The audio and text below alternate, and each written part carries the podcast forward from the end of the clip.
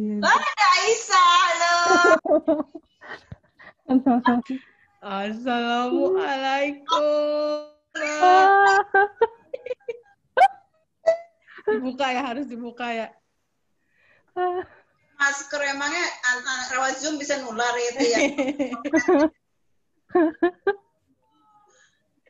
Mas, sehat. Alhamdulillah sehat, Mbak. Oke, baiklah. Aduh. Kenapa sih kamu di mana sih, Is? Pasti jalan-jalan dia tuh jauh-jauh. Ayo tebak. Mana di belakang itu di mana ya? Kayaknya tuh ada papan tulis di belakang.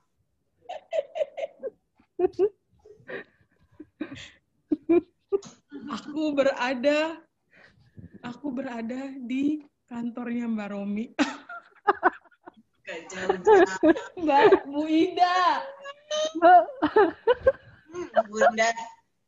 Ngapain di situ, Is? Ngapain? Makan-makan ya? Nggak ngundang-ngundang deh, Bunda. Ah, tahu aja. Itu makan apa tuh? Pizza. Oh, dong. Makan pizza. Rumah aku kan deket dari situ. Deket Mana Mbak? Masya Allah di iya sih deket sih emang sih. Di Tanjung Barat ya Mbak ya? Iya. Ngapain di situ bukannya bimbingan udah lu- udah sudah lulus Is? Ngapain masih bimbingan? Mencari nafkah berikutnya Mbak. Hey, Bu. hey. Ibu. Eh, Sari ada di situ juga. Sari, ngapain Ida? Hah? Sari ada Ais. Mencari tambahan. Ada kampus. Iya. Ida dasar. Ibu. Ini. Bisa nggak sih? Ayo apaan ayo? Oh. Apaan? Tapi aku harus begini-begini nggak sih? Iya betul nggak kelihatan kamu. Oh. Aduh.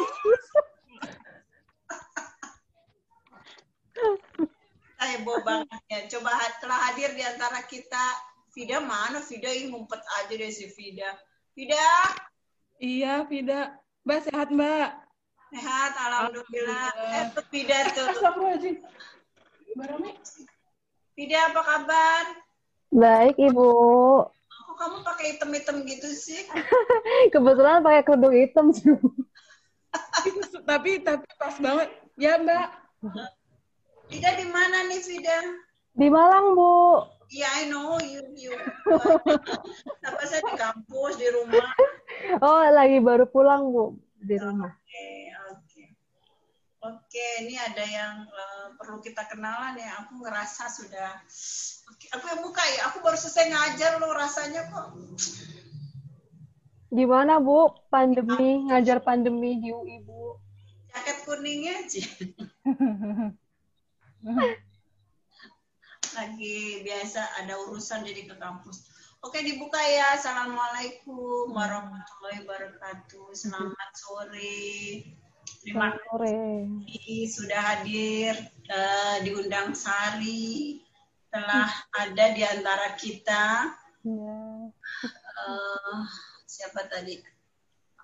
Aisyah ya Allah Aisyah nggak bisa diem deh udah cantik udah cantik ketemu sama uh, Bu Ida, jadi harus lebih cantik lagi. udah dong pasti deh terus ada Rafida Riyata dari Malang sana ada Ida di Malang. iya baru tahu ya Iya. Nanti kita ke Gunung Bromo Ah, apa sih Namanya di sana, Mbak. iya ya betul kemudian ada Irma Irma udah sehat Halo. Iya Bu, udah sehat, makasih. nah, maaf kabar? gimana orang tua ada sehat Sehat-sehat semua Bu. Ibu sehat? Ya sehat sesuai usia. Kata Ais maksudnya pegel di sini, pegel di sini. Iya Ais ngaku pegel di sini. Kemudian oke ada ada siapa ya Ri? Sari kamu kenalin dong. Aku kan malu sama yang lain Ri. Iya. Malu-maluin kata Sari. Ah, ini ada Mbak Ponti sama Mbak Rahmawati, Bu. Terus eh, Mbak Hildanya eh, berhalangan kan, Bu. Makanya ini saya rekam. Kemudian yang satu eh, agak telat, Bu, karena bertepatan dengan meeting di ruang lain, Bu. Oke ya. Berarti kita harus harus ini ya. Aku dari tadi heboh banget padahal direkam ya. Aduh maaf lupa. Gege mana Gege? Eh, Gege sama Ica tadi itu eh, ini sih Bu, yang Ica masih ngerjain tugas, kemudian yang Gege-nya itu masih eh, ini sama tester Bu, testernya itu masih bingung gitu loh Bu, udah di briefing kemarin, jadi eh, mereka kayak buka Q&A gitu. Eh, nanti ya terus ke- tadi tuh eh, akhirnya saya kasih win-win solution gitu. Ya udah kalian nggak usah eh, perlu ikut wawancara, nanti waktu mau briefing gitu, nanti aku kasih tahu deh kalian langsung join aja gitu Bu. Iya, sekarang kan mereka harus ikut kan Gege sama Ica. Sekalian Bu. briefing ini. Iya, sekalian briefing. Iya. Oke, baik. Eh, ini em, kegiatannya masih berlangsung. Mungkin kalian bertanya-tanya ya, kok sampai bulan Oktober nggak pernah dihubungi? Ya, sekarang tibalah saatnya. selama selama ini kami sibuk dengan em, macam-macam adaptasi alat ukur, kemudian pengambilan cari responden itu yang lama sekali. Dan sekarang sudah sampai pada tahap pengambilan data yang rasanya juga akan makan waktu lama karena baru mulai. Ya.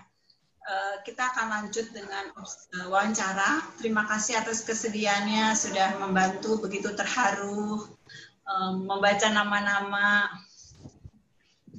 Aisyah udah senyum-senyum jelas ketemu lagi. Vida, makasih. Vida tuh udah direpotkan dari instruksi bahasa isyarat untuk alat tesnya ya, Vida. ya. Itu buatnya berapa hari tuh, Vida?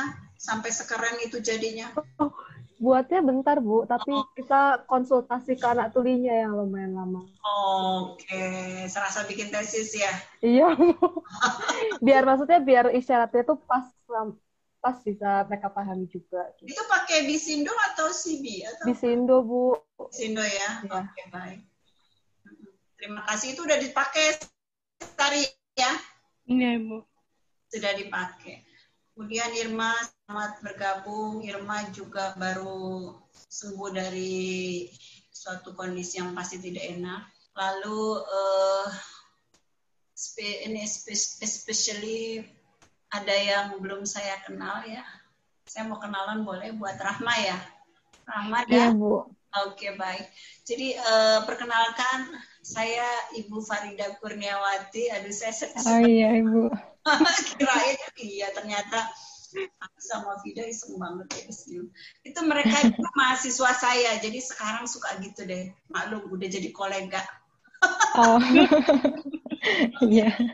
Oke baik. Masih jauh. Eh, eh, Rama, baiknya begini ya. Di antara kalian mungkin ada yang sudah kenal, ada yang belum. Bolehkah eh, secara singkat memperkenalkan diri? Eh, namanya, tinggalnya sekarang domisilinya di mana? Kemudian em, alasan mengikuti eh, penelitian ini. Tiga pertanyaan itu saja. Silakan, siapa yang mau mulai duluan? Eh, Saya silakan Mbak? Rahma dulu mungkin. Ya. Oh iya, iya. Ya, perkenalkan Ibu dan Mbak-Mbak sekalian, nama saya Rahmawati Riandika. Saya sekarang domisili di Purbalingga, Jawa Tengah. Jadi eh, alasan saya tertarik untuk mengikuti ini eh, salah satunya adalah karena topik penelitiannya itu sendiri. Jadi eh, yang saya baca topik penelitiannya adalah untuk memahami kemampuan bahasa dan kognisi pada anak tunarungu. Menurut saya ini topik yang sangat menarik mengingat eh, salah satu aspek yang dinilai ketika melakukan eh, melakukan eh, tes intelijensi untuk mengetahui kapasitas intelijensi seseorang itu eh, dari WSC misalnya itu ada salah satunya kemampuan verbal. Nah, eh, di anak tunarungu ini sendiri tentunya kemampuan verbalnya berbeda dengan eh, teman-teman lain atau anak-anak lain yang memiliki eh, kemampuan verbal yang bisa dikatakan no- normal seperti itu. Dan em, melalui penelitian ini juga saya eh, tertarik untuk mengetahui dinamika dari significant other atau caregiver anak-anak yang mengalami yang memiliki keterbatasan tunarungu itu sendiri. Hmm, Oke, baik. Ya, terima kasih Mbak Rahma. Panggilannya Rahma ya? Panggilannya Rara, Bu. Oh, Rara. Iya. Natari ya? Gimana, Bu? Bukan Rari tapi Rara. Oh, bukan. Kadang kan ada nama nama apa? Nama Depan sama belakang ya. kata itu di di Iya, iya. Rara. Oke, baik terima kasih. Next, Iya, siapa yang ingin memperkenalkan diri? Eh, Ibu Farida, saya eh, mohon maaf lagi nggak bisa masang video, nggak apa-apa ya Bu ya. Boleh. Nama saya Ponti Almas Karamina, biasa dipanggil Ponti. Eh, saya domisili di Jogja, Bu. Sebenarnya kemarin saya tertarik banget buat jadi tim lapangan, tapi lagi ada kondisi yang tidak memungkinkan untuk mobilitas tinggi, sehingga eh, saya melamar menjadi inf- interviewer gitu, eh, karena lebih eh, fleksibel gitu. Kemudian bener sih kata Bu Farida tadi ya, eh, menunggu-nunggu udah Oktober nih gitu, kok nggak ada nggak ada apa nggak ada konfirmasi atau apa nih saya ditolak apa diterima gitu. PHP ya. saya pikir udah ah ya udahlah mungkin sudah berjalan dan sudah hampir selesai gitu tiba-tiba. Tadi malam pas lagi kebangun kok lihat lihat email oh ada email apaan nih? gitu kan. Saya pikir tengah malam spam gitu kan. Untung saya baca beneran oh undangan gitu. Oke gitu. Gitu. Bu. jadi em, kebetulan saya baru lulus dari magister psikologi profesi pendidikan. Jadi eh, bidang anak berkebutuhan khusus ini memang saya eh, tertarik gitu. Eh, sejak lulus S1 pernah kerja di eh, lembaga pendidikan untuk anak-anak berkebutuhan khusus gitu sehingga saya kemudian memutuskan untuk ngambil magisternya bidang pendidikan dan sampai sekarang masih ingin em, bekerja dan eh, berkarya bersama anak-anak yang berkebutuhan khusus gitu. Nah kebetulan untuk eh, yang tunarungu atau tuli sendiri ini eh, saya belum terlalu banyak tahu gitu. Jadi justru saya ingin bany- eh, ingin banyak belajar dari penelitian ini seperti itu bu. Oke. Mbak Ponti ya panggilannya. Iya bu. Jadi Persisnya terima kasih. Iya, persisnya domisilinya di mana, Mbak? Persisnya, Di Jogja. Gimana bu? Persisnya di mana? Eh, tinggalnya? Iya. Oh, saya di Sleman, Bu, tapi eh, bisa merambah ke semuanya. Iya, oke baik terima kasih. Next kita Iya. ada ber- berapa sekarang berlima ya? Oke. Lima ya Sari ya. Ya, Ibu. Silahkan. Siapa dulu? Udah, aku. Iya. Eh, Nama ya. Bukannya Aisyah kok jadi aku sih? ini apa? Berganti. Ganti diganti namanya jadi aku. Selamat sore semuanya. Selamat sore Bu Ida. Aduh, kangen. Eh, perkenalkan nama saya Nur Aisyah. Biasanya dipanggil Aisyah, Ais atau kalau Romi manggilnya I. Eh, domisilinya di Bekasi, luar angkasa. Jadi nggak kena macet. Jakarta coret. Eh, alasan mengikuti ini sebenarnya adalah eh, Kasihan sama aku ya. bukan Bu. Ada nama Bu Ida, wah asik nih gitu. Itu itu itu itu alasan pertama. Bohong banget. Ini eh, lebih ke karena kepengetahuan tentang ABK itu tuh cukup terbatas waktu sebelumnya. salah milih Sari. Kita yang udah Oh, menguasai. bukan bukan Ini masih mau itu belajar, maaf ya. Nggak buka kelas. Nggak buka kelas. Justru itu harusnya makin belajar di sini. Eh, sama pengen tahu sih sebenarnya dinamika atau eh, penghayatan orang tua dengan eh, anak berkebutuhan khusus ter- terutama tunarungu ini seperti apa? Lebih tertarik sama penghayatan mereka sehingga lahirlah saya menjadi interviewer karena tadi sama sih lebih fleksibel. Ma- Mau kenal anaknya nggak? Anak tulinya. Eh, ma- maunya tapi aku nanti komunikasinya harus ada pendamping atau diajarin. Ya, Vida tuh, tuh. Vida langsung bisa kok, bisa. Bisa, Ai. Pakai kertas kan bisa. Tuh. Eh, aduh, tuh kan dapat ilmu mbak. Iya. Gitu. Mau kenalan sama anaknya juga. Hah? Mau Kenal- kenalan sama anaknya. Boleh kenalan doang. Sekarang Sari dicatat tester Jakarta nih.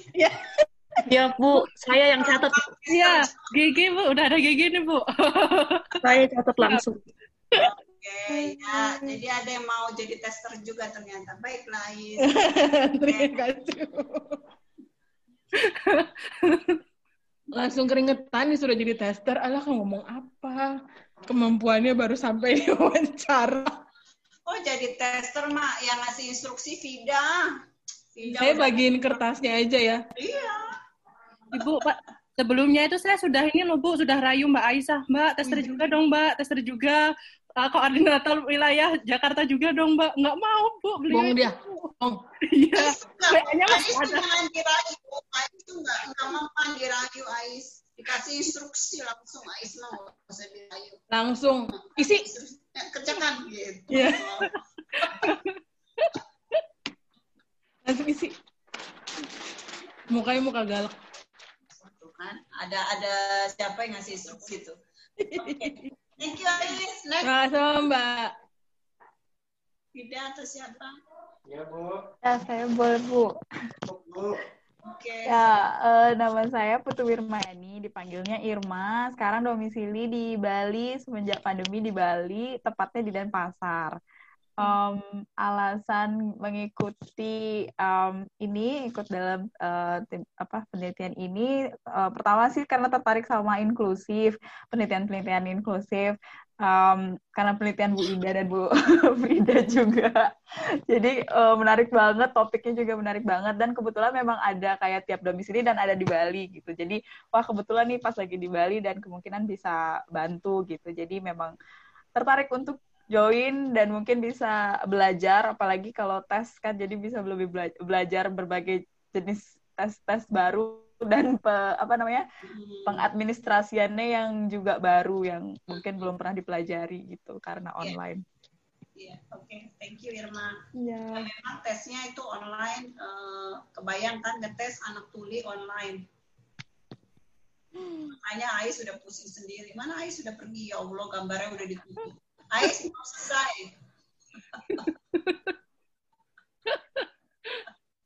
Maaf ya, kalau ketemu Ais memang bercanda terus gitu.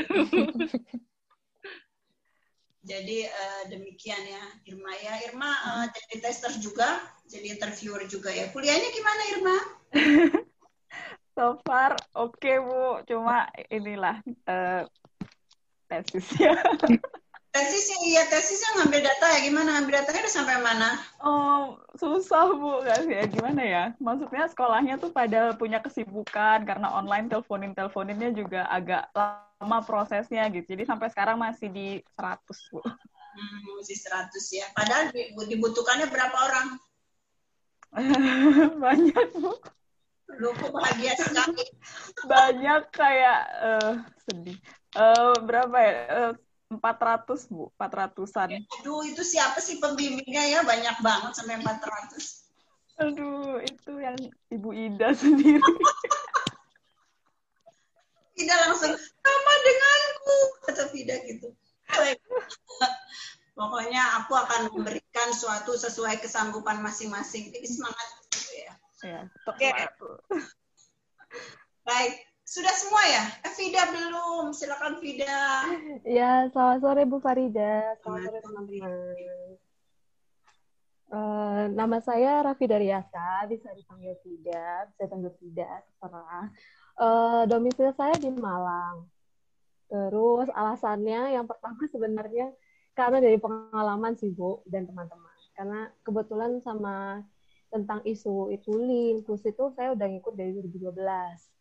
Tapi kayak di Indonesia tuh penelitian tentang mereka yang langsung ngambil sumber data dari mereka, perspektifnya juga per- tentang perkembangan bahasa, kognitif itu sangat minim kalau pengalaman saya selama ini. Terus yang kedua, saya agak terharu karena tulisannya tuli gitu. Jadi kayak wah ini dia udah seneng banget sih gitu karena eh, karena itu yang diperjuangkan sama teman-teman tuli gitu. Jadi saya ngerasa wah ini penelitian ngam- udah ngambil dari pakai kata tuli, pakai perspektifnya mereka gitu. Terus eh, di lapangan tuh banyak yang selalu ngerasa bingung sebenarnya teman-teman tuli ini gimana sih kognitif sama bahasanya gitu. Kadang akhirnya eh, ada stigma kalau misalnya tuli itu karena kurang bisa mendengar, tidak seperti yang dengar, itu kayak dianggap eh, intelektualnya rendah gitu. Padahal kan sebenarnya enggak nggak selalu seperti itu gitu. Nah, dengan saya sih jadi berharap dengan penelitian ini kayak kita bisa membuktikan apakah gitu apakah penelitian apa apakah sebenarnya perkembangan eh, kognitif dan bahasanya teman-teman tuli ini itu seperti stigma masyarakat atau enggak gitu sih. Oke. Dan kenapa interviewer eh kenapa saya ngambil interviewer karena di Malang tidak di Jawa Timur tidak ada tulisannya ah, tidak jadi lokasi penelitian. Jadi saya ambil interviewernya. Oke, itu. Vida, eh, sekarang tesnya online kok. Jadi dari Malang juga bisa ke Jakarta, ke Bekasi, ke Cirebon. Oh iya. Sari, tolong dicatat Sari. Kami punya tester yang tinggalnya di mana? Kalimantan Timur. Oh. Ngetes ke Surabaya. Eh ke mana? Kok ke Surabaya sih? Aku ke mana sih? Ke Jogja ya Sari ya? Ke mana Sari? Dari Makassar ke Jogja. Jadi memang dari dari Jakarta ngetes yang di Bali. Jadi memang kita mengandalkan teknologi. Ya. Tim literatur reviewnya juga dari Amerika, Ibu. Iya, tim, tim literaturnya dari New York, terus satunya lagi dari London, dan kita pusing sendiri ngatur waktu. Kalau kita malam dia kebagian, kalau kalau mereka malam kita kebagian. Tantangan deh. Oke, baik nanti kalau memang masih minat mau jadi tester, terima kasih masih terbuka sekali. Eh, terus siapa lagi? Kalau tesnya online boleh Bu, saya juga mau. Oh iya, memang online, memang online. Oke. Soalnya kemarin kok kayaknya kesannya ada kok kayaknya eh, ini ya offline gitu. Jadi saya eh apa agak offline apa online sih ini gitu. Jadi agak masih ragu-ragu gitu. Kalau Awal- online boleh Ya, awalnya kami memang optimis sekali bisa luring, bisa offline. Tapi dengan perkembangan yang tidak juga nggak belum juga pasti akan berakhir di mana dan untuk menjaga keamanan, kesehatan, kenyamanan semua pihak kami eh, sekarang lebih memilih daring. Walaupun untuk beberapa responden itu tetap memilih luring. Misalnya di Bali, di Bali itu kemarin sudah ambil berapa data ya? Belum sampai 10, tapi memilih luring. Ya. Hmm. Kemudian di Jawa Tengah juga ada yang mau luring. Jadi setiap provinsi itu pasti ada yang mau luring. Kecuali Jakarta. Jakarta sendiri sudah eh, membatasi untuk daring seluruh Jakarta. Iya. Tapi Hmm. De- Depok saya kurang paham ya. Depok masih kami dekati. Kalau memang eh, memungkinkan, ya itu terserah sih mau luring atau daring. Tapi mayoriti adalah daring. Oh oke. Ya. Iya, jadi Mbak kalau memang eh, berminat luar biasa seperti tadi disampaikan oleh Irma, eh, ini memang eh, akan membekali kita dengan pengalaman mengambil data yang yang mungkin nanti eh, apa ya akan menjadi suatu common nih, suatu hal yang umum ya. Kalau sekarang kan rasanya kita dipaksa nih untuk dari Uh, Ya. kemudian ya semuanya akhirnya kita uh, terjemahkan dalam soal-soal daring ya. Uh, dan anak tuli pula, wah agak bingung juga waktu itu. Akhirnya ada Vida yang membantu untuk buat video instruksi uh, dan sebagainya. Kenyataannya di lapangan memang tidak semudah yang kita bayangkan. Karena uh, tadi ada perbedaan bahasa isyarat, ada kemudian anak-anak yang belum terpapar dengan pendidikan formal, jadi mereka masih pakai bahasa isyarat ibunya. jadi pas dikasih tes bingung, Uh, dia nggak ngerti bahasa instruksi yang kita berikan. Tapi begitu ibunya ngasih instruksi, dia paham. jadi ada bahasa instruksi ibu home, uh, sign language ya seperti itu. Oke. Itulah dinamikanya. Oke, Oke. menyasar pada eh, interview. Setelah pengambilan data kita akan melakukan wawancara kepada secara random ya. Tidak semua orang akan kita wawancarai. Karena untuk eh, respondennya sendiri kita akan sekitar 340 ya. Eh, tapi kita hanya akan mewawancarai eh, berapa persen dari 300-an tersebut Nah, untuk panduan wawancara ini, GG sudah ada ya, Sari? Sudah Ibu, Ica juga sudah ada Ibu. Oke, kayaknya mereka harus kenalan ya. Oke, nanti eh, Mbak semua akan banyak berinteraksi dengan GG dan Anissa. GG adalah sekarang mahasiswa S2 profesi semester berapa GG kamu sih? Semester Tiga, Bu. tiga. Semester tiga. Ya, semester tiga sebentar lagi lulus dan Ica juga amin dibilang gitu. Ica Anisha Hashim ini eh, mahasiswa S2 Sains semester berapa, Cak? Ketiga, Bu. Semester tiga, iya. Mereka akan banyak membantu, bukan akan sih, sudah banyak membantu dan akan membantu lebih banyak lagi, terutama di bagian wawancara. Mereka sudah menyusun panduan wawancara berkaitan dengan topik apa? Parental acceptance. Karena kita kaitkan antara metode komunikasi, eh, metode komunikasi, pola asuh, dan parental acceptance. Oke, sampai sini ada yang mau ditanyakan? Saya sering lupa kalau kuliah online ngomong aja gitu ya. Karena interaksi ininya kan agak kurang. Ada yang mau ditanyakan? Tak sebut lagi satu-satu. Ais, mau nanya Ais? Eh, Rahma? Ada yang Nanti Tidak, yang Bu. diwawancara Berapa orang, Bu? Maksudnya dari 300 sekian eh, responden itu yang akan diwawancara berapa? Masing-masing mungkin akan wawancara sekitar 7, 7-8 orang. Kita Oke. akan ada 7 orang yang buat. Oh ya. Ada sekitar 50-an orang yang diwawancara Bu. Iya, iya. Siap. Jadi ke- eh, yang kami minta adalah wawancara yang akan dilakukan semua lewat daring dan verbatim. Kalau mau membantu juga langsung analisa, bikin laporan ya Is.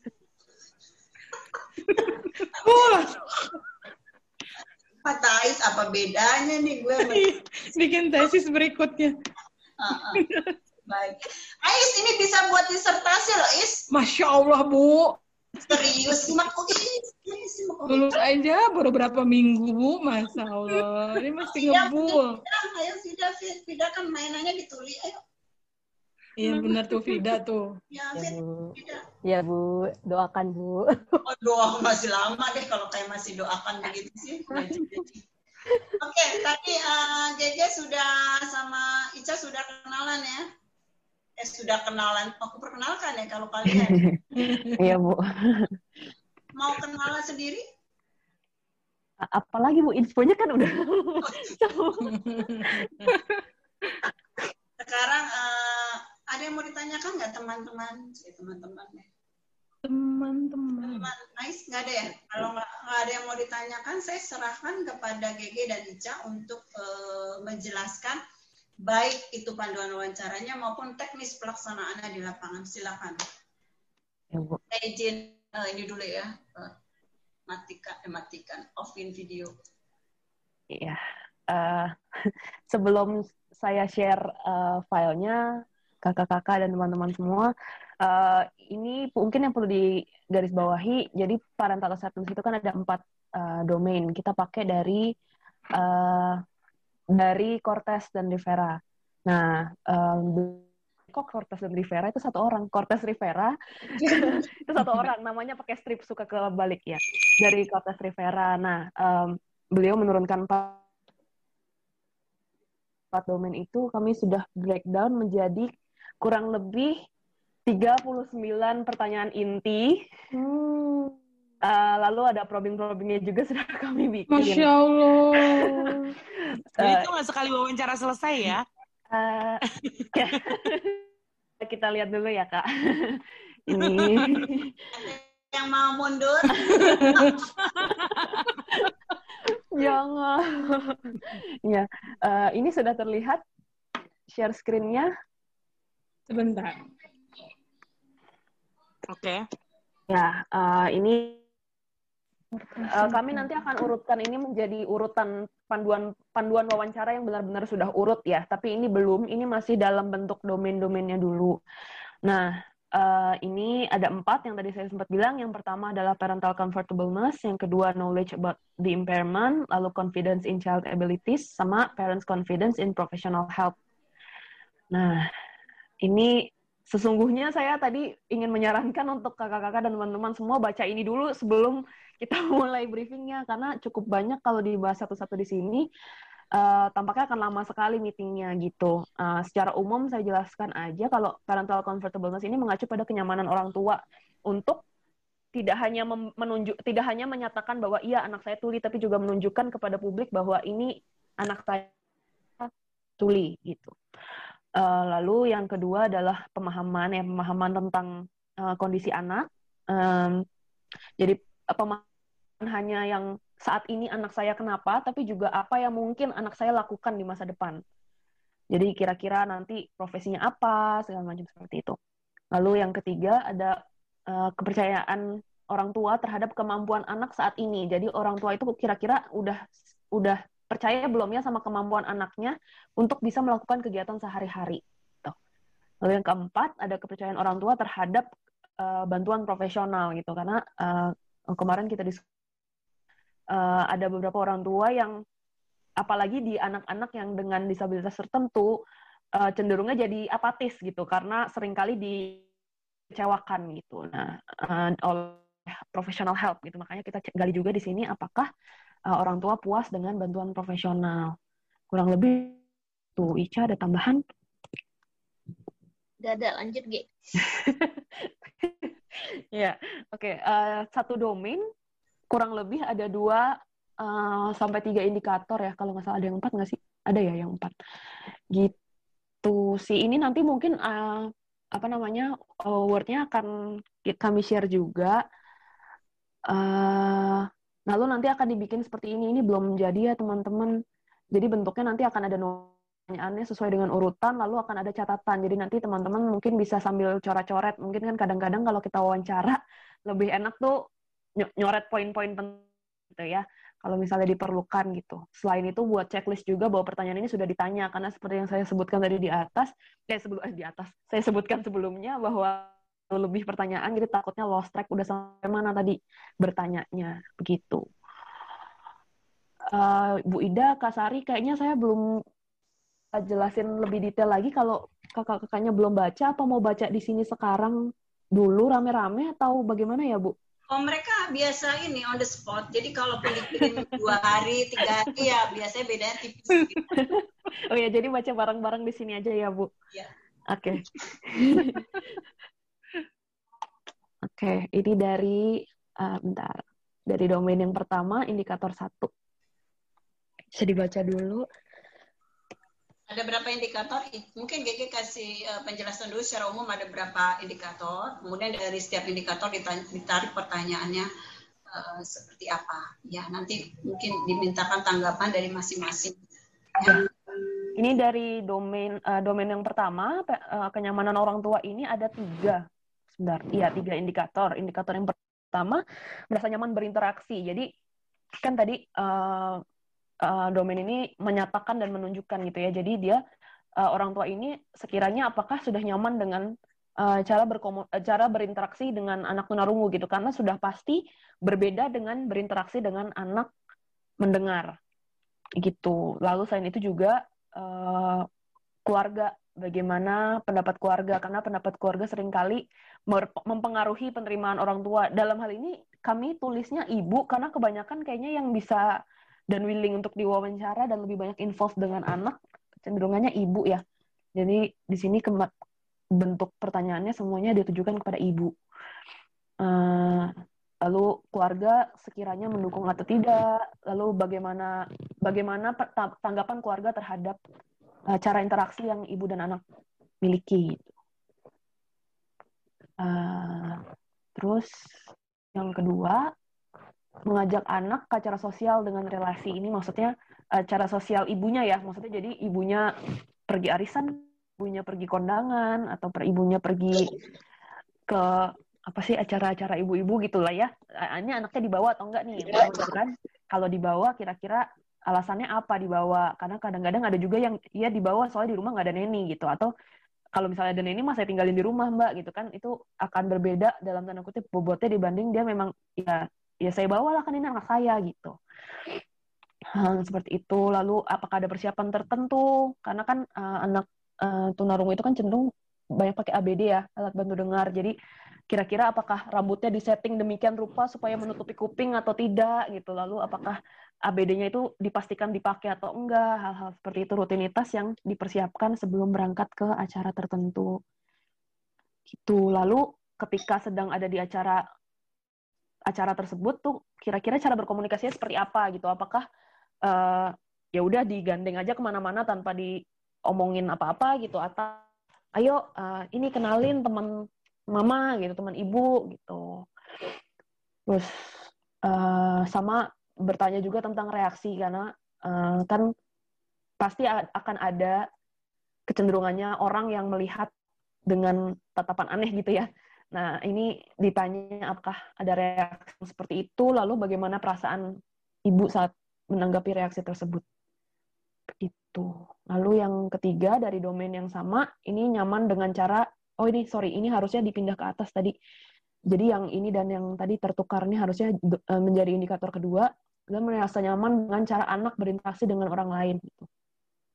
Karena kan cara anak berinteraksi dengan temannya dibandingkan dengan anak mendengar berinteraksi dengan temannya itu kan berbeda gitu. Jadi uh, apakah orang tua tuh menyadari adanya perbedaan itu? Apalagi kalau misalnya anaknya lebih dari satu, yang satu tuli, yang satu lagi enggak, apakah terlihat? Apakah notice gitu adanya perbedaan itu? Gitu dengan ketika oh iya bu iya saya sadar lah ininya beda ininya beda ininya beda nah, tanggapan ibu terhadap perbedaan-perbedaan tersebut itu bagaimana gitu apakah uh, ter, apa uh, sedihkah marahkah atau apa gitu yang dia rasakan ketika melihat perbedaan itu uh, iya itu sih Ica ada yang mau dari ya dari roman pertama Enggak. Hah? Dari domain yang kedua, ini knowledge about the impairment. Jadi pengen tahu orang tua tahu sejauh apa. Tadi yang sempat saya bilang, selain kondisi pendengaran juga kira-kira di masa depan ada potensi apa gitu. Jadi yang indikator pertama adalah menggunakan berbagai sumber untuk mencari tahu kondisi anak. Jadi uh, uh, apa kayak cari di internet kah atau tanya dengan orang kah atau bergabung dengan komunitas tuli atau tidak hal seperti itu yang ditanyakan seputar itu. Lalu hal apa sih yang didapat dari komunitas eh, dari bertanya ke internet, bertanya ke internet dan tanda kutip, bertanya ke orang lain atau bergabung dengan komunitas tuli itu orang tua dapat apa?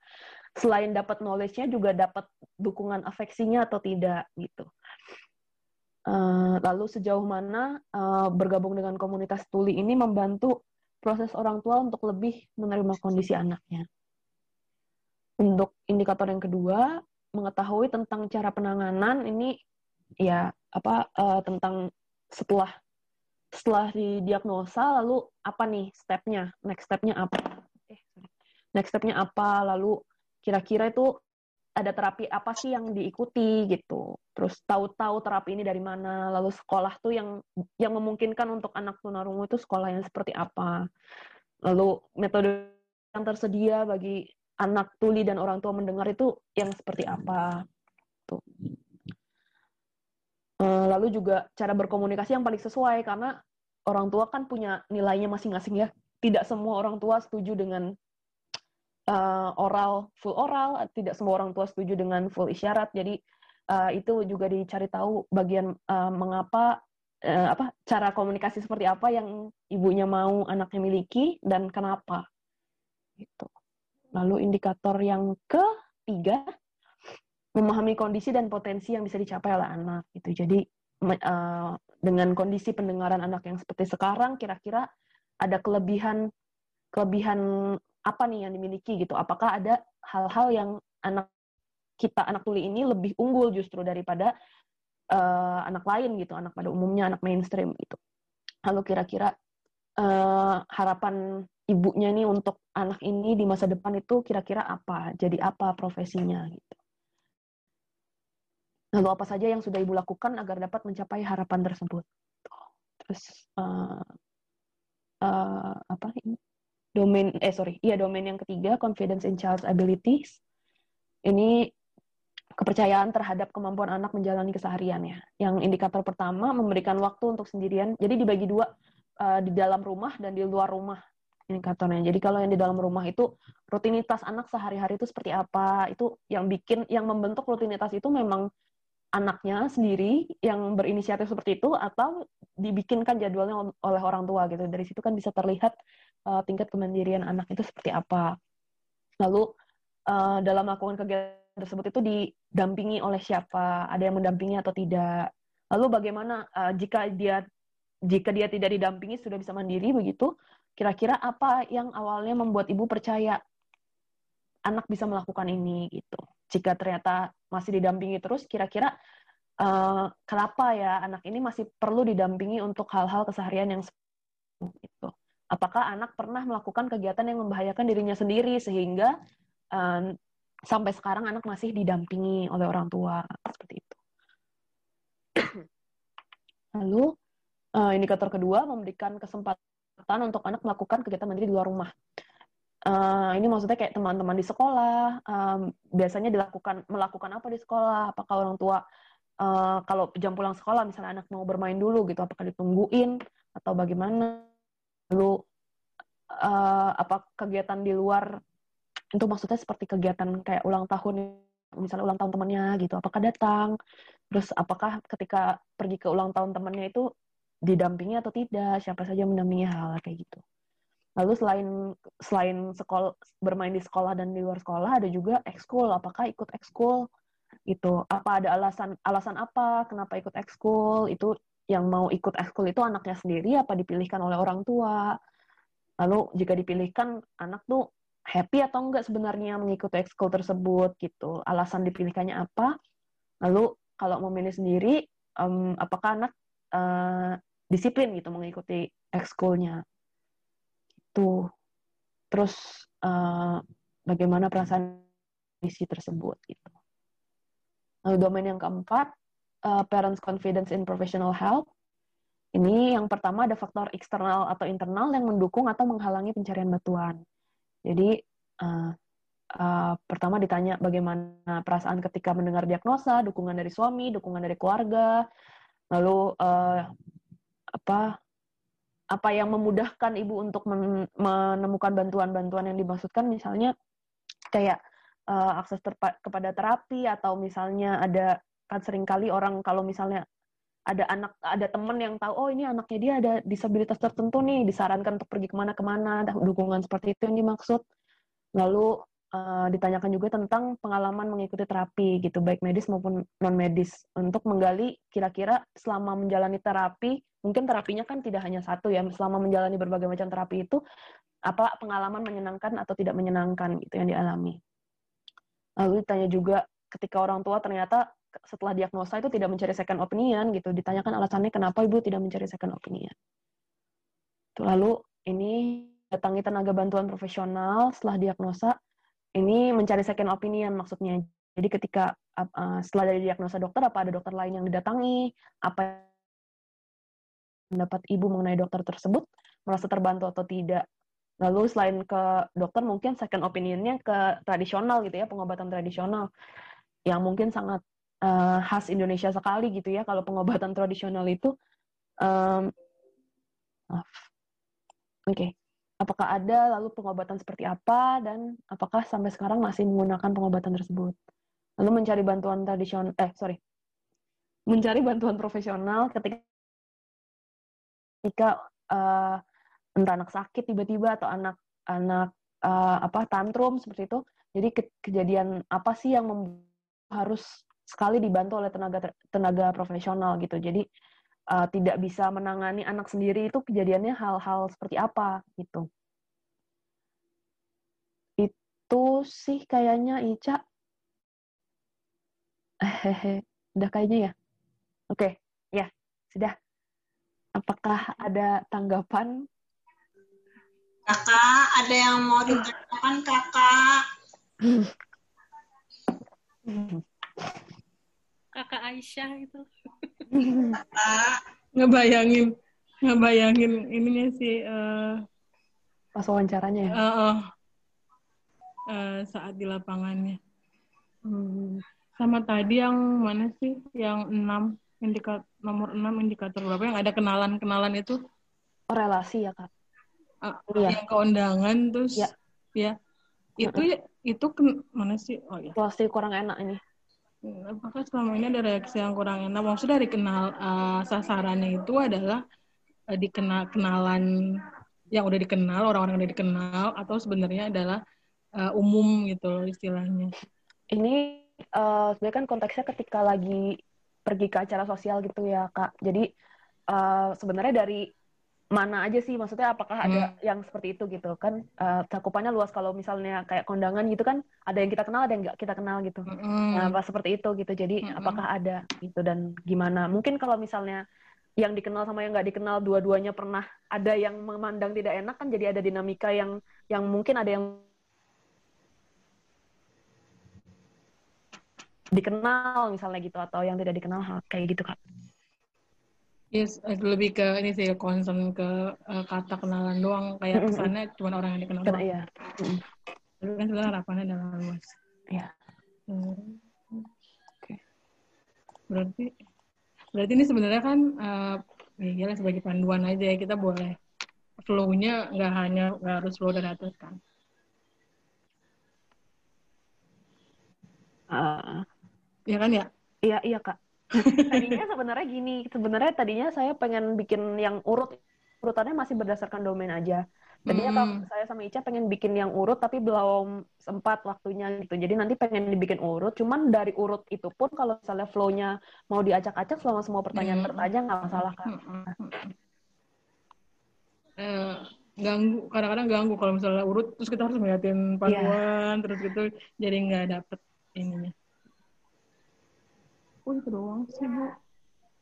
Ada ya yang lain? Apa perlu dicerna dulu di Iya, Ibu dicerna, betul. Dicerna lebih, Bu. Oke, nanti untuk komunikasi selanjutnya dengan GG dan eh, Ica bagaimana ya? Mungkin bikin grup WhatsApp bu seperti WhatsApp lagi. Baiklah. Oke, baik. Jadi GG dan Ica tuh HP-nya penuh dengan. Tester Omonggo dari lima provinsi ikutan, ya kan? Iya. Oke, baik. Eh, sudah minimal sudah cukup mendapatkan gambaran umumnya apa yang akan kita tanyakan. Karena nanti eh, dari situ selain eh, parental acceptance, kita juga akan bisa menarik informasi berkaitan dengan eh, pola asuh, kemudian metode komunikasi dan sebagainya. Eh, nanti kami akan kirimkan kira-kira eh, Oh iya, tapi yang yang kami minta dari teman-teman adalah melakukan wawancara sampai dengan verbatim.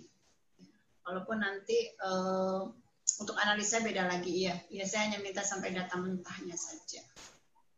Ya.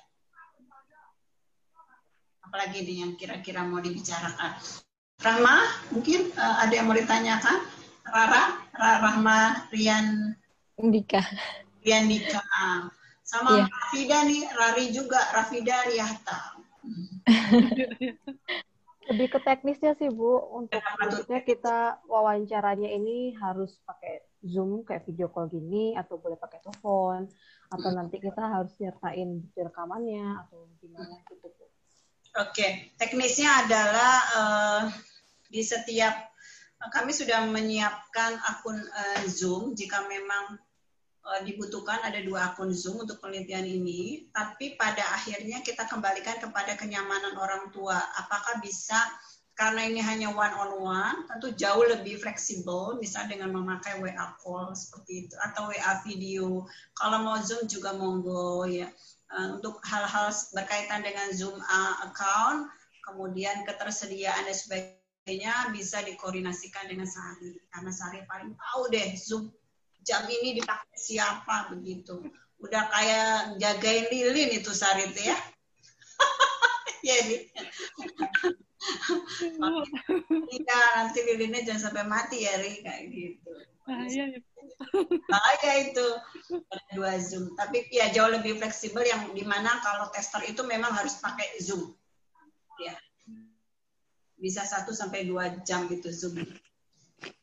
Ya Bu, kalau sebenarnya kalau mau ini lebih nyaman kayaknya sebenarnya pakai WhatsApp karena memang kalau ini tester lagi jalannya serentak ya Bu lima tempat jadi lumayan habis waktu zoomnya untuk untuk teman-teman tester gitu. Nih Irma senyum-senyum aja nih yang juga tester Bu. Jadi ya gitu. Eh, mungkin kalau GG boleh saran mungkin lebih baik pakai WhatsApp call ya. Uh-uh. Tapi mungkin nggak saya saya kurang paham kalau WhatsApp call itu kayaknya nggak bisa direkam ya.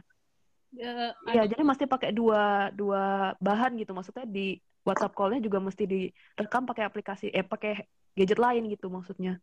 Cukup rumit ya. Um, setauku kalau Zoom yang personal, kalau cuma dua orang dia nggak ada batasan waktu. Oh, oke. Okay. Ya udah. Iya, ya benar juga. Jadi mungkin Lupa kalau aku. misalnya Mm-mm. perlu pakai Zoom, kalau pakai Zoom personal nggak ada ini, nggak perlu iya. yang premium gitu. Oh iya, iya. Oke.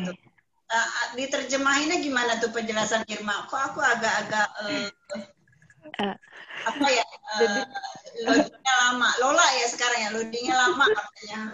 Kalau Zoom, kalau Zoom yang ininya dari ininya full, kita bisa pakai akun personal kita bu, gitu maksudnya. Oke. Jadi bisa Zoom ya. Intinya begini, eh, kita akan berhadapan dengan orang tua yang berasal dari latar belakang yang begitu berbeda, bervariasi sekali ya. Eh, kalau di Jakarta itu eh, mereka eh, terutama yang pras, eh, prasko- dari swasta ya, kami libatkan prasekolah dan eh, sekolah luar biasa eh, swasta ternama khusus tuli di Jakarta yang eh, sejauh ini yang kami temui adalah saat berinteraksi dengan mereka, mereka begitu kritis. Ya, begitu kritis dalam arti mm, lebih ke arah begini. Kami sudah terlalu banyak terlibat dalam penelitian. Ya. Jadi sering kali eh, butuh butuh apa ya? Butuh kita membangun rapot yang ternyata jauh lebih lebih lebih besar upaya kita agar mereka merasa cukup nyaman dan mau terlibat dalam penelitian ini. Pada akhirnya memang seperti itu. Ya, walaupun dari segi pendidikan sebenarnya mereka eh, menengah atas ya dan sosial ekonominya menengah atas. Lalu di pihak lain banyak juga orang tua yang akan terlibat adalah orang-orang yang memang eh, memiliki komitmen, memiliki eh, keseriusan yang bagus berkaitan dengan pendidikan anak tuli, tapi mungkin mereka belum cukup familiar dengan hal ini, ya. Eh, bisa ya itu tadi eh, kita tanyakan dulu sebaiknya ketika wawancara itu nyamannya mau pakai apa? Walaupun pada akhirnya WA call itu jauh lebih eh, visible ya lebih mungkin begitu. Jadi tetap saja kita mintakan eh, pendapat mereka mereka mau pakai media apa. Dan diharapkan tidak perlu terlalu lama wawancaranya cukup sekali. Jadi memang eh, diatur saja waktunya eh, untuk pertemuan mungkin 1 sampai 2 jam begitu untuk untuk pembicara untuk ngobrol 1 sampai 2 jam. Demikian. Nah, untuk pemilihan orang tuanya nanti saya akan membantu dengan memilihkan eh, dari sekian banyak data yang ada yang eh, akan diwawancarai siapa saja dan itu bisa saja dari Jakarta wawancara ke Bali atau dari Bali wawancara ke Jogja dan sebagainya. Tapi rasanya dengan teknologi tidak akan ada masalah. Demikian. Oke, ada lagi yang mau ditanyakan? Atau barusan nggak ada yang nanya ya? Aku yang memberikan penjelasan. Eh, ini ada ada pesan dari Mbak Ponti itu, Bu. Apa Mbak Ponti? Aku belum baca. Aku tuh males baca chat deh. Mbak Ponti, silakan Mbak Ponti. Halo, Mbak. Oh, panjang nih. Iya. Jadi Iya, komunikasinya harus direkam ya. Apakah wajib video atau bisa voice saja? Kalau boleh voice saja mungkin bisa telepon biasa, bisa direkam. Oh, itu cukup suara saja, Mbak. Tapi awalnya Mbak ya kenalan dulu kan ya. Dilihat dulu face to face. Bener nggak yang diajak ngobrol itu ibunya situ gitu ya. Bapaknya Baik, Bu. siapa Siap. gitu kan. Nggak, karena kan takutnya ka- tadi kan Ibu bilang eh, memang latar belakangnya berbeda-beda sekali gitu ya Bu. Yang mungkin kalau misalnya nanti ada yang memang daerahnya sulit terjangkau mungkin gitu kan eh, atau memberatkan untuk kuota seperti itu. Sementara kalau misalnya telepon dari kita kan eh, mereka hanya menerima saja tidak perlu menyiapkan eh, kuota untuk internet seperti itu Bu gitu. Iya. Jadi pertimbangan saya juga itu gitu. Dan satu lagi Mbak, eh, berhadap-hadapan dengan orang yang baru ketemu, ya, walaupun virtual itu kadang membuat orang nggak nyaman, ya kan? Ya, ya Bu, ya Bu. Uh, seperti saya ngeliat di Sari itu kan, Sari kita udah nyaman sama aku ya, Ri, udah sering ketemu. Nah, kalau yang mungkin itu juga akan mempengaruhi nervousnya dia, ya kan? Mempengaruhi dia uh, dalam kelancaran berkomunikasi, mengekspresikan diri dan sebagainya. Memang sih uh, kebanyakan uh, lebih baik uh, voice suaranya saja. Oh baik Bu. Jadi Tapi uh, tidak awalnya- masalah ya.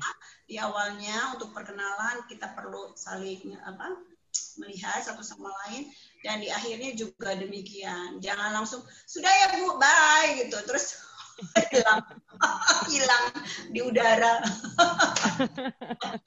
Jadi kita Siap, maaf Bu, Bu, siap. kita kita kita nyalakan lagi kamera. Saya ingin mengucapkan terima kasih begitu ya. Mungkin untuk uh, setengah menit lah. Iya. Ya, siap Bu. Eh, Oke.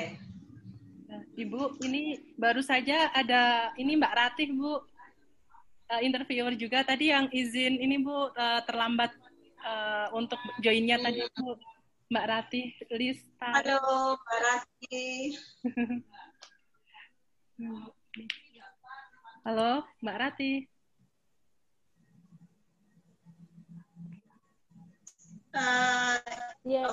sambil menunggu Mbak Rati bergabung, Maaf, yang lain ada, ada pertanyaan yang lain?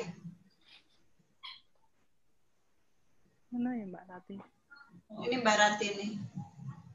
Bu, saya tanya lagi boleh? Boleh, boleh, tidak. lebih ke teknis sih Bu. Kalau misalnya konten sih mungkin kan lebih penelitinya lebih paham. Kalau teknisnya maksudnya kan kita wawancara tujuh orang. Apakah dari penelitian itu ada deadline-nya gitu? Terus eh, buat pengaturan waktunya gimana gitu?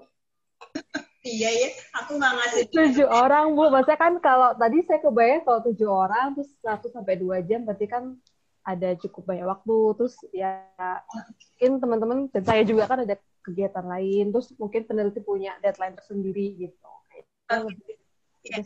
Berharapnya sih eh, Oktober pertengahan. Oktober pertengahan, kok kaget sendiri aku ini tanggal berapa sih hari ini tanggal 2? Sudah tanggal dua Bu. Eh, berharap itu 13 hari lagi, Bu. Oh, oh, aku langsung deadline laporan kemajuan. Bukan laporan kemajuan, sehari laporan akhir penelitian ini awal Desember. Iya, Bu. Eh, kita kita akan eh, apa namanya GG juga mau mau ujian tesis eh, semester ini sama Ica dan itu pendaftaran terakhir 18 Desember jadi eh, dibayangkan datanya harus segera masuk. Em, Oke, Eh, saya berharap pertengahan Oktober sudah selesai dengan wawancara. Realistis nggak ya? Sekarang tanggal 2. Oke, tiga. Eh, nggak realistis ya? Nggak realistis. Soalnya ada yang ngerangkap jadi tester juga tuh, Bu. Iya, iya. Oke, nah, mungkin minggu ketiga Oktober. Minggu ketiga Oktober. Jadi begini, mungkin ada eh, anaknya yang belum sempat kita eh, ambil datanya, tapi eh, kita akan wawancara. Begitu. Untuk karena kalau nunggu pengambilan data selesai, rasanya sulit, ya. Eh, mengejarnya itu sulit. Jadi kita akan, saya akan pilihkan, memang nih jadi eh, nanti saya akan pilihkan sekitar 50 orang eh, yang kemudian akan kita wawancara. Ya, jadi bisa saja wawancara duluan baru anaknya, atau anaknya dulu baru kemudian orang tuanya, begitu. Tapi diharapkan minggu ketiga Oktober sudah selesai dengan perbatim.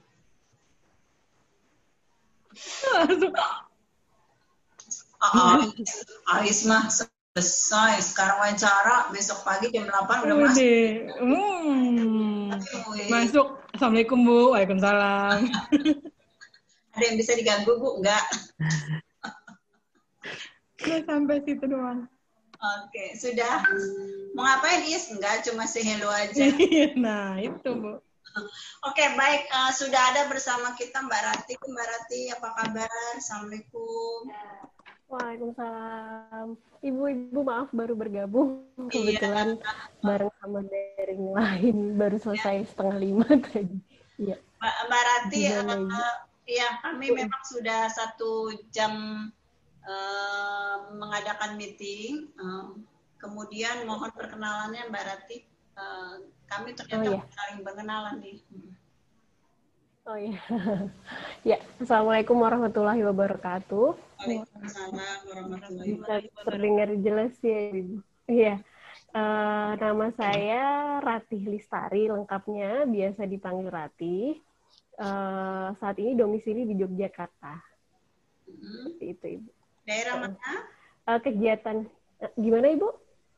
Domisilinya persisnya di mana di Jogjanya? Domisili Yogyakarta di hmm, kalau kabupatennya Sleman, Ibu, di daerah Jalan Godean. Oh. Kulian ya, Sleman ya. Oke, Mbak Rati, eh, Ya, terima kasih sudah eh, bersedia bergabung bersama kami. Em, saya eh, saya kebetulan bagaimana ya ngomongnya ya. Ini kalau udah agak sore ini agak susah memilih kata-kata nih ya. Eh, jadi eh, teman-teman eh, atau sebelumnya saya bertanya, teman-teman apakah masih tetap available di sini? Ya, atau ada kegiatan lain? Aku izin, Bu. Nah, itu rumahnya jauh nih di Jakarta Coret. Ya. Ya. Jadi eh, maaf ya Mbak Rati, saya eh, harus komunikasikan ini. Ya. Bagi yang memang eh, ada kegiatan lain, kesibukan lain, boleh leave ya, karena memang tadi kita sudah bahas panjang lebar dari Jakarta sudah pukul 5 sore, kayak banget kayak aku di mana aja gitu kan. Sama juga di di Bali juga. Bali mana jam 6 ya Irma ya? Bali jam 6, Bu. Ya, jadi kalau memang ada keperluan lain, terima kasih banyak. Nanti kita ketemu lagi. Kalau